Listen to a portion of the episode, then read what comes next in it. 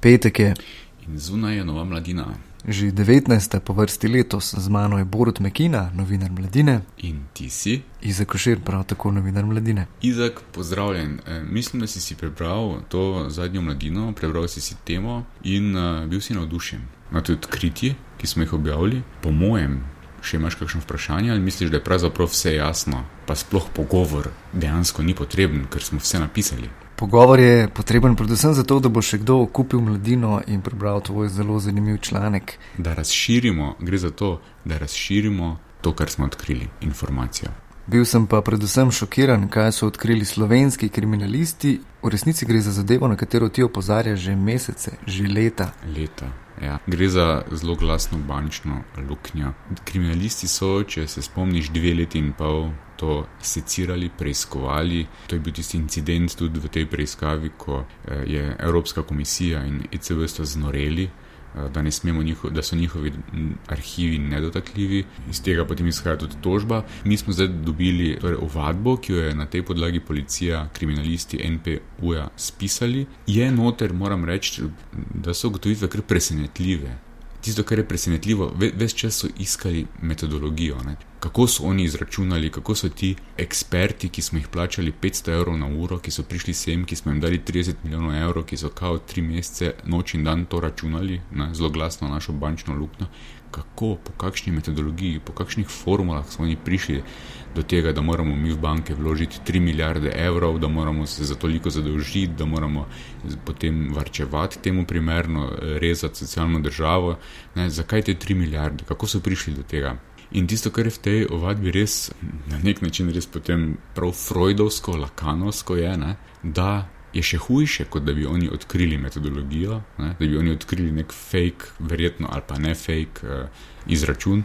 Ugotovili so, da tega sploh ni da ne obstaja, da je eh, resnica, ki so jo iskali, je ni, je votla. Ugotovili so, da so bili, če karikirava, štirje uradniki, zaposleni na Evropski komisiji, ki so po mailu poslali in so rekli, te terjatve so vredne toliko.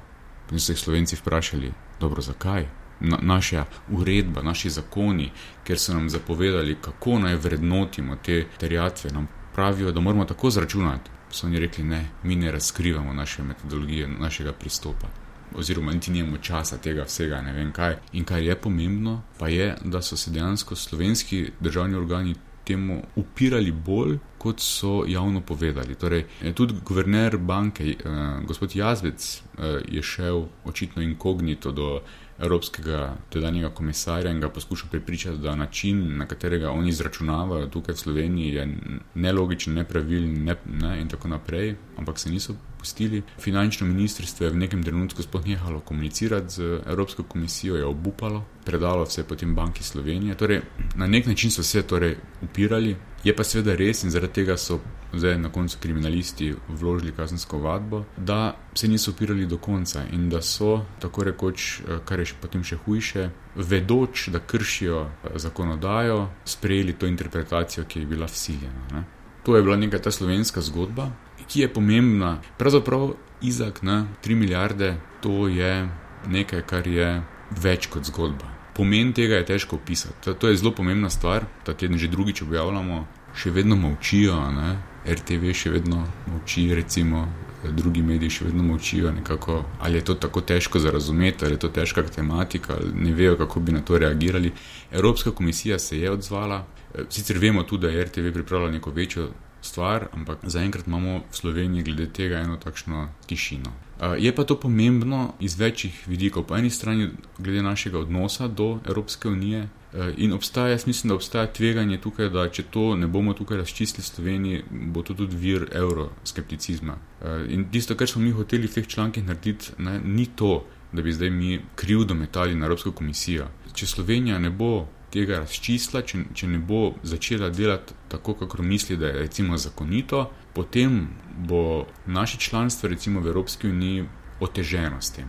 Pravilna pot bi morala biti, da glede na to, kar beremo v tej ovadbi, kaj so si oni po mailih pisali, bi morali začeti na finančnem ministrstvu, v Banki Slovenije, govoriti resnico, povedati pač tako, kako mislijo. Ne pa da še naprej branijo. Ne. Šli so tako rekoč tako globoko v blato takrat, so, in so potem še leta in leta zatem vztrajali pri tem, kar so se takrat, recimo, rečemo, temu zlagali. Če prišel bo čas, ko bodo morali pač povedati, kaj so v resnici mislili, mislim, da bi to bilo pravilna pot.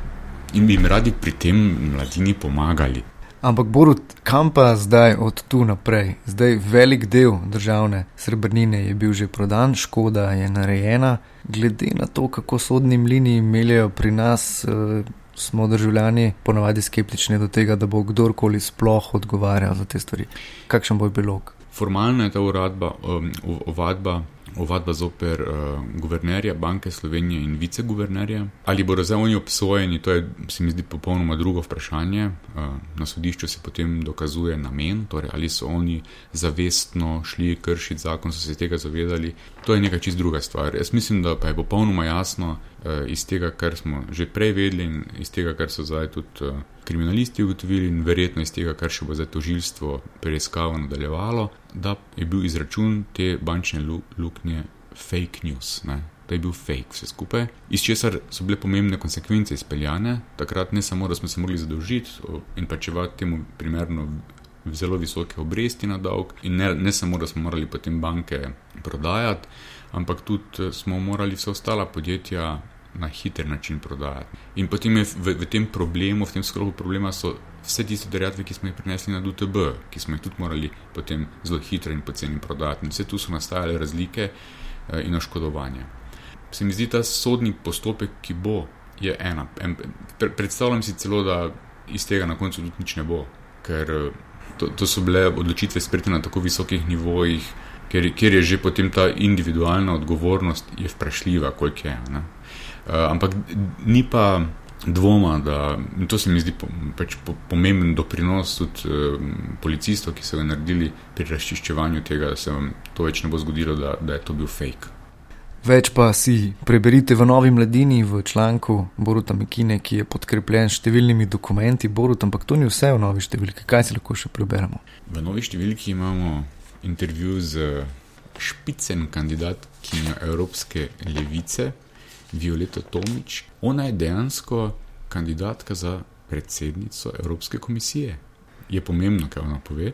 Jure Trumpuš, kolega, je napisal zelo dober članek o tožbi med Brščičem in Lukom Mescem. Namreč Brščič toži Mesca, ker mu je Mesec rekel, da je fašist.